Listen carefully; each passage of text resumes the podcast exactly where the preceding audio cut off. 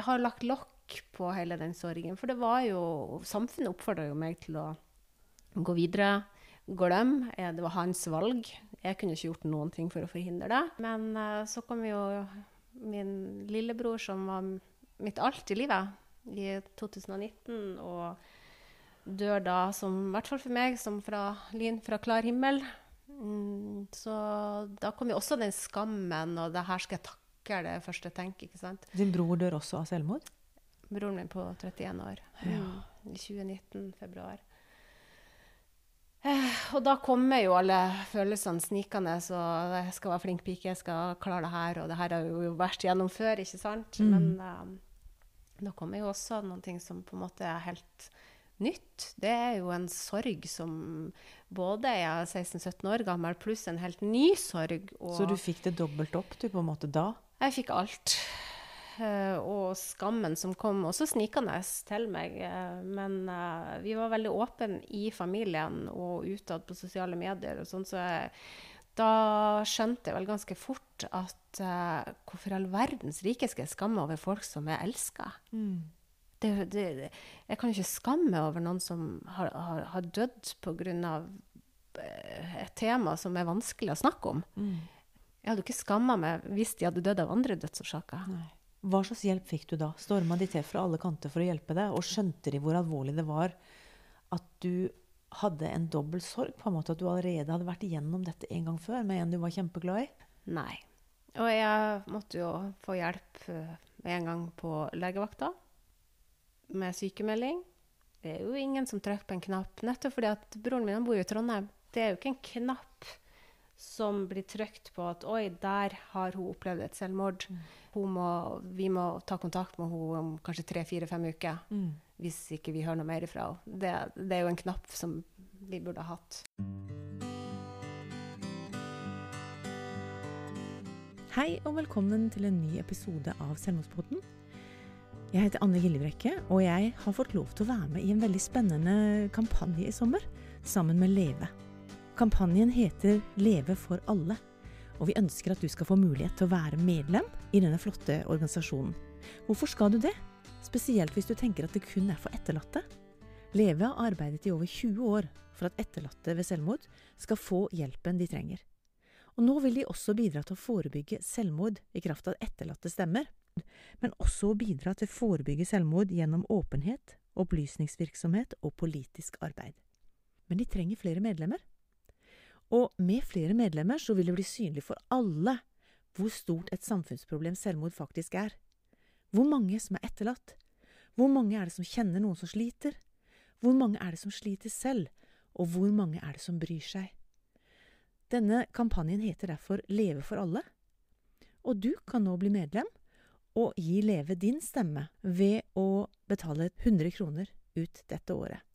I beskrivelsen av denne episoden vil du også finne en link der du kan melde deg inn. Jeg håper inderlig du benytter deg av det, for arbeidet som Leve gjør er utrolig viktig.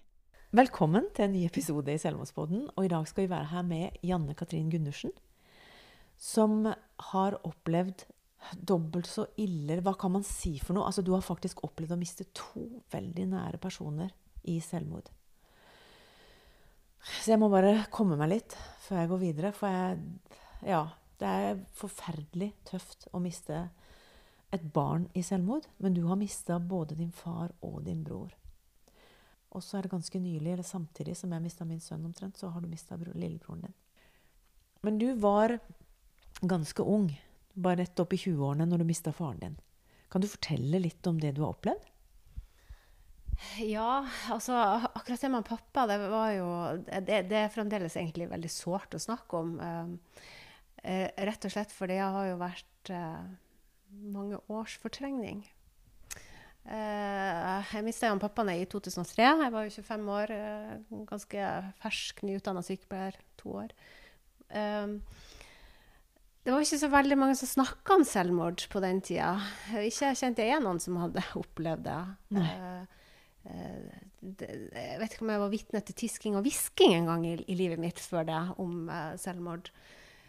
Så jeg opplevde nok ganske kjapt eh, Jeg prøvde egentlig å være litt åpen, og sånn, men jeg kjente nok ganske kjapt at jeg fikk en skam. For folk og, det forstår jeg jo. Jeg var jo 25 år, og, og, og, nettverket mitt var jo i samme alder. Og det, det var jo ikke rom for å ta imot.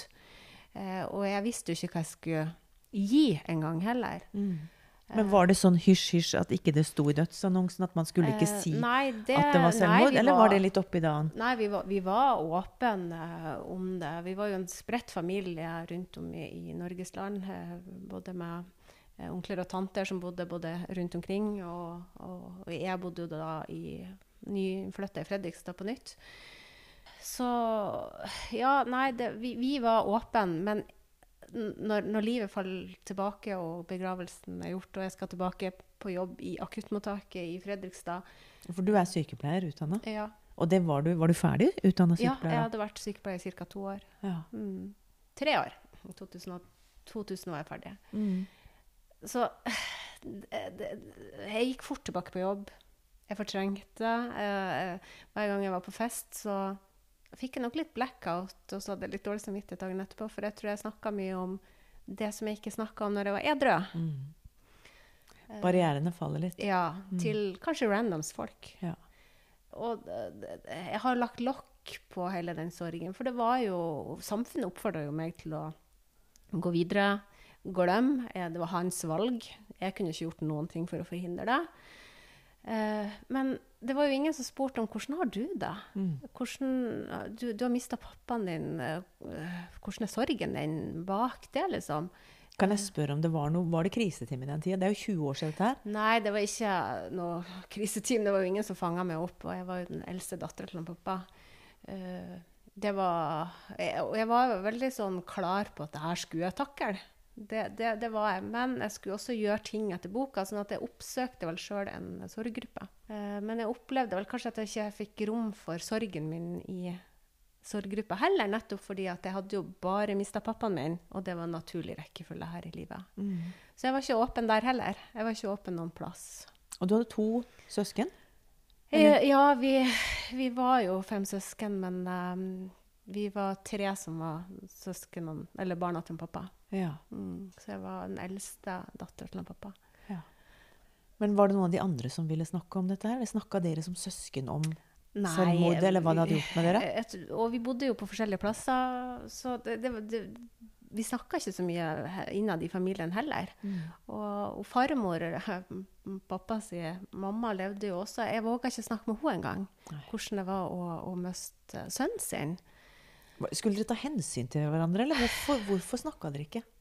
Jeg, jeg tror det var for vondt.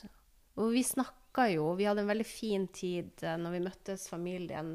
Eh, den perioden, den venteuka før begravelsen, da, da var det en veldig veldig nær og fin tid med, med alle de som kom i begravelsen og, og alt det. Det, det. det husker jeg som en fin og åpen tid, absolutt. Og, og mye glede og humor og, og, og tristhet og, sorg. Og, sånn som ventetida er før begravelsen. Men så forsvinner man jo fordi man bor ikke i samme kommune engang, mange av oss. Eh, og jeg var jo på utsida veldig tøff og skulle klare meg sjøl. Så etter hvert så lærte jeg meg jo å si at uh, nei, pappa er død. Mm. Så jeg skåna jo omgivelsene for um, temaet selvmord. Mm.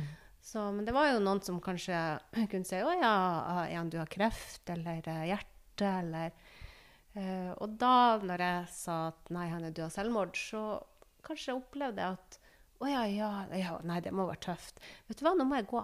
Ja. Uh, Så det har jeg jo lært meg til, at det er jo det, sånn det har vært. Og jeg har ikke vært noe åpen om uh, tematikken, men jeg har allikevel på min måte jobba forebyggende. For jeg jobba i akuttmottak i, i Fredrikstad i 12-13 år, og 113-sentralen. Så jeg har vel nesten alltid, hvis noen har ringt og sagt at de skulle ta livet sitt, eller sånn, så har jeg trykt på den røde knappen og rød tur Mm. hvor uh, kanskje kollegaer har syntes at det har vært litt for voldsomt, for det er jo bare psykiatri. Eh, men når de har sagt at de har tatt, skal tenke å ta livet sitt, så har de sagt det, og da må jeg trykke på rød knappen. Mm. Og også det at hvis jeg møtte de som sykepleier som har eh, prøvd for tolv timer siden å ta livet sitt, og så møter jeg de klokka sju-åtte på morgenen fordi at da kommer jeg på dagvakt, så eh, gikk jeg inn og snakka med de. hvor jeg spurte de direkte spørsmål om sånn og sånn, og jeg fikk eh, de svarene jeg fikk. Og psykiateren ville jo alltid sende pasienten ut, Mm. mens jeg da sa at OK, men eh, han har sagt sånn eller sånn eller sånn til meg, og, eller hun.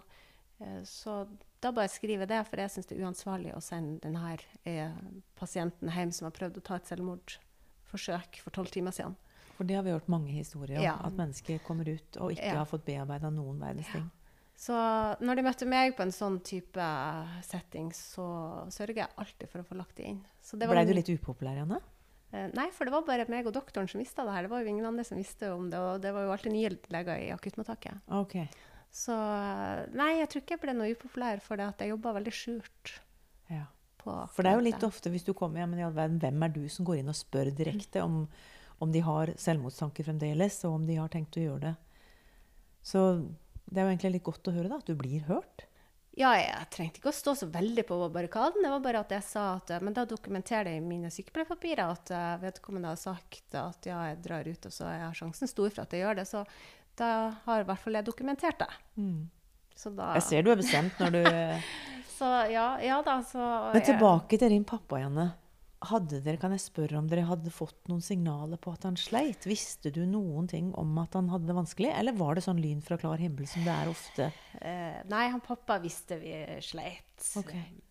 Og det var ikke så lett eh, heller, for at det var eh, Det er flere familiemedlemmer som kanskje fikk uh, smerten hans, og jeg var en av de, og det var ikke så lett å være datter, ung og langt unna, og, og på en måte få høre mye. Og jeg, jeg, jeg var ikke moden nok til mange ting, så jeg skjønte egentlig ikke så mye av det. Og så hadde han et forsøk et halvt år i forveien. Sånn at uh, når jeg fikk beskjed om at onkelen min ikke uh, kom inn til han, eller fikk tak i han, da bare visste jeg at du må bare ringe politiet, for jeg skjønte at han var død på innsida. Og ikke nødvendigvis pga. hjertet. Nei. Så jeg har jo ikke turt å være åpen om eh, meg sjøl, og heller ikke skam. Uh, og jeg har nok veldig flink til å få andres historier og kan veilede andre nettopp fordi at jeg bruker min egen erfaring uten å si noen ting om min erfaring. Du må begynne en podkast, igjen, Janne. Hvis du er flink til å få fram historier hos andre. Uh, ja da, det er et veldig godt tro at det er det. Eh, men eh, så kom jo min lillebror, som var mitt alt i livet, i 2019, og dør da, som, i hvert fall for meg, som fra lyn fra klar himmel. Mm, så da kom jo også den skammen, og det her skal jeg takle det første jeg tenker, ikke sant. Din bror dør også av selvmord? Broren min på 31 år. Ja. I 2019, februar. Eh, og da kommer jo alle følelsene snikende, så jeg skal være flink pike, jeg skal klare det her, og det her har jo vært gjennom før, ikke sant? Men eh, da kommer jo også ting som på en måte er helt nytt. Det er jo en sorg som både er 16-17 år gammel, pluss en helt ny sorg. Så du fikk det dobbelt opp du på en måte da? jeg fikk alt. Eh, og skammen som kom også snikende til meg. eh, men eh, vi var veldig åpne i familien og utad på sosiale medier. og sånn, så jeg, da skjønte jeg vel ganske fort at uh, hvorfor all verdens rike skal jeg skamme over folk som jeg elsker? Mm. det, det, jeg kan jo ikke skamme over noen som har, har, har dødd pga. et tema som er vanskelig å snakke om. Jeg hadde jo ikke skamma meg hvis de hadde dødd av andre dødsårsaker. Når broren din dør i 2019, som er bare tre år siden, hva slags hjelp fikk du da? Storma de til fra alle kanter for å hjelpe deg? Og skjønte de hvor alvorlig det var at du hadde en dobbel sorg? på en måte At du allerede hadde vært igjennom dette en gang før med en du var kjempeglad i? Nei.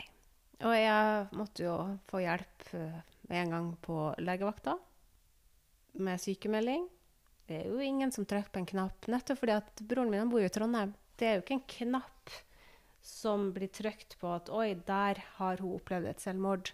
Hun må, vi må ta kontakt med henne om kanskje tre-fire-fem uker. Hvis ikke vi hører noe mer ifra henne. Det, det er jo en knapp som vi burde ha hatt. Dette har vi snakka en del om i podkasten også.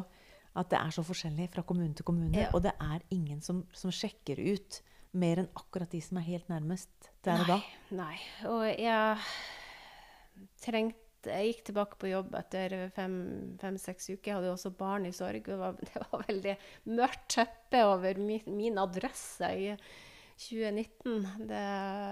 Og så kollapsa jeg i juni. Jeg måtte få fysiske symptomer for mm. å forstå at nå, nå, nå, nå, klarer du faktisk ikke mer. Skulle du redde alle rundt deg da òg, eller skulle du passe på at alle hadde det bra? Eller? Nei, da Ja, Før du kollapsa sjøl, tenker jeg. Nei. Jeg, jeg, jeg, var ikke i stand til å ta vare på uh, noen andre. Mm. Uh, jeg var på jobb, og så var det på en måte Ja. ja.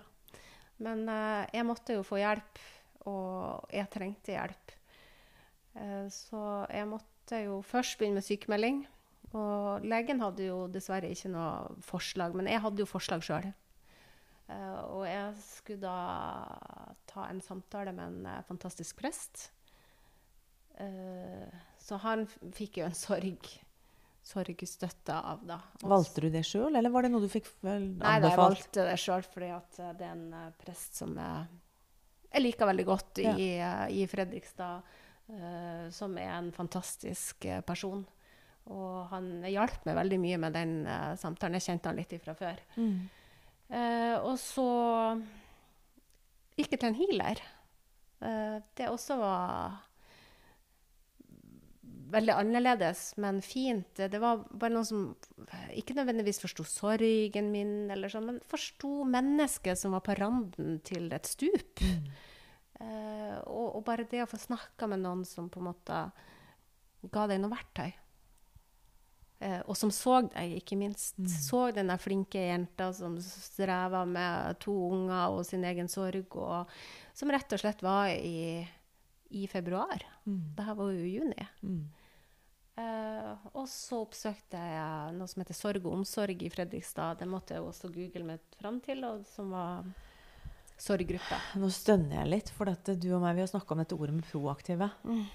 Og at det forventes av oss i det mm. dypeste mørket at vi skal være proaktive. Mm. Og google og ta de telefonene som ja. koster oss blod, svette og tårer helt mm. bokstavelig talt. Det er et eller annet som er steingærent her. Det, det, er et eller annet som er Og nå hørte jeg jo, eller leste på en uh, side at uh, i mange sine forsikringer så står det at du har krav på gratis psykologhjelp hvis du har mista i selvmord. Oi. Jeg vet at det, det er altså mange store selskaper som har det. Det var store selskaper, ja. ja. Det var noen som hadde Trygg. Mm. Mm. For noen får det Det har jeg hørt om. Jeg har nettopp et intervju med det. det. Og da er det liksom, da er det med en gang. Mm. Og ganske langvarig også. Men, Men du må kanskje vite om det sjøl?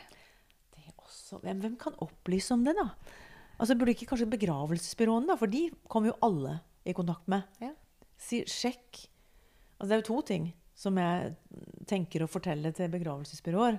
Eller som jeg prøver hvis jeg treffer noen som jobber i det. Og det er jo det første Dere må opplyse om disse her tingene her. Og dette med forsikringa. Mm. At det kan være at du har rett på en psykolog. Mm. Og det andre er at ikke skrive under på noen ting før du vet hvordan situasjonen egentlig er. Mm. For der er det også mange som får en utrolig tilleggsbelastning mm. med at det er gjeld som ingen aner om. Mm. Så det er jo altså, begravelsesbyrå kanskje, og leger, som er den mest naturlige. Du sa noe til legen din når du kom, du. Ja, jeg sa jo du tenkte på når jeg kollapsa i uh, juni 2019, så jeg skal bare poengtere at fastlegen min er fantastisk. Mm. Men han var ny, og jeg hadde ikke møtt han før. Hadde, ja, så hadde jeg jo bedt om sykemelding, eh, og så fikk jeg jo det. Og da fortalte jeg jo om uh, far og, og, og lillebror og, og, litt om historikken. Og, da sa jeg jo til han at det er faktisk nå du skal spørre meg om jeg har selvmordstanker og tenkt å ta livet mitt. Mm. Jeg tror han lærte litt akkurat på det. Han var riktignok turnuslege, og mm. det her har vi avklart og snakka om. Men uh, det er jo noe med at vi er jo en risikogruppe. Vi er det. Og Samtidig så har jo forståelse for legene også, som har ti minutter, et kvarter til hver. Altså Hvis du åpner opp med det spørsmålet, og du får 'Ja, det har jeg', altså, hva gjør du da? Jeg har 16 pasienter som venter ut forbi, mm. for vi er dessverre forsinka. Så det er jo ja, Men hvis det, neste pasient er en liten sprukken stortå, mm. så kan du faktisk redde et menneske med å spørre om du har selvmordstanker. Du kan det. Altså Du og meg, Janne, jeg kjenner jo bare når vi, vi snakker oss jo varme. Eh, og jeg skal ha en episode til med deg, faktisk, hvor du skal inn på alt ditt engasjement etterpå. For det er jo det som er det, Det kan virke sprøtt for mange av dere som ikke har opplevd det, men veldig mange av oss som mister i selvmord. Og folk sier at ja, men da må du sykemelde deg eller slutte i jobben eller uføretrygde eller hva som helst. Og så skjer jo det motsatte. At ikke, ikke stopp meg i å engasjere meg. Nei, og så vil jeg også poengtere at jeg har full respekt for de som ikke klarer å Som, som faktisk blir uføretrygda mm. pga. Uh, det som møter i, dette traumet. Sånn at det er full respekt. Og jeg tror kanskje at vi som klarer å reise oss opp etter et sånt traume, inkludert deg, Anne, vi gjør det her for de som ikke klarer det mm. også. Ja, for vi kan jo ikke redde. Du kan ikke redde din far og din bror, og jeg kan ikke Nei. redde Thomas. Men, men, vi kan holde på med noe meningsfullt. Ja, og, kan, og vi kan kanskje være med å redde én til. Ja, og så de som kanskje ikke klarte å begynne å jobbe igjen etter et sånt traume, de heier på oss. Fordi mm. at de skulle ønske at de også klarte det. Mm. Og de er også Jeg, jeg tror at vi, vi, gjør noe bra for de òg. Sånn at jeg tenker at vi er der for de òg. De er i ryggen vår, selv om vi ikke vet hvem alle de folkene er. Mm. Men jeg kjenner at de også Vi gjør det for de. Ja. Og nå er det tre år siden for både deg og meg siden du mm. har mista den siste nære personen din. Og hvis dere har lyst til å vite litt mer om Janne Katrin uh, Gundersen og litt hva hun står i for noe nå For akkurat denne sommeren nå i 2022 så har du et spennende prosjekt som heter Gå for å leve. Og det skal dere få vite litt mer om i neste episode. Så da må dere scrolle videre ned på, på podkasten for å få med dere det. For det er et fantastisk flott prosjekt. Men tusen takk, Janne, for at du tok veien fra Fredrikstad og uh, fortalte om en så tøff så tøft liv du har hatt, altså. Ja, men uh, livet mitt er her og nå, og det som ligger bakover, det er jo en del av meg. Mm. Jeg hadde ikke vært her hvis jeg ikke hadde hatt det jeg har hatt. Så jeg velger å se framover. Det høres veldig, veldig bra ut. Tusen takk skal du ha. Til slutt vil jeg fortelle deg hvor du kan få hjelp. Hvis du trenger helt akutt hjelp, ring 113. Legevakten har telefonnummer 116 117 Mental Helse, som er en døgnåpen krisetelefon, har telefon 116 123. Ellers kan du ringe Kirkens SOS, som også er en døgnåpen krisetelefon, på 22 40 00 40. Leve er Landsforeningen for etterlatte ved selvmord. De arbeider for at alle som er berørt av selvmord, skal få den hjelpen de trenger. Kors på halsen er Røde Kors sitt lavterskel samtaletilbud for barn og unge under 18. De er oppe fra mandag til fredag, Snakk om psyken er Blå Kors sitt chattetilbud for barn og ungdom fra søndag til fredag. Ellers har stiftelsen Lillebrors minne omsorg for etterlatte, og der kan du få både samtaler avtalt, og du kan få være med på noen av de flotte arrangementene som de tilbyr. Da håper vi at du også blir med oss i neste episode.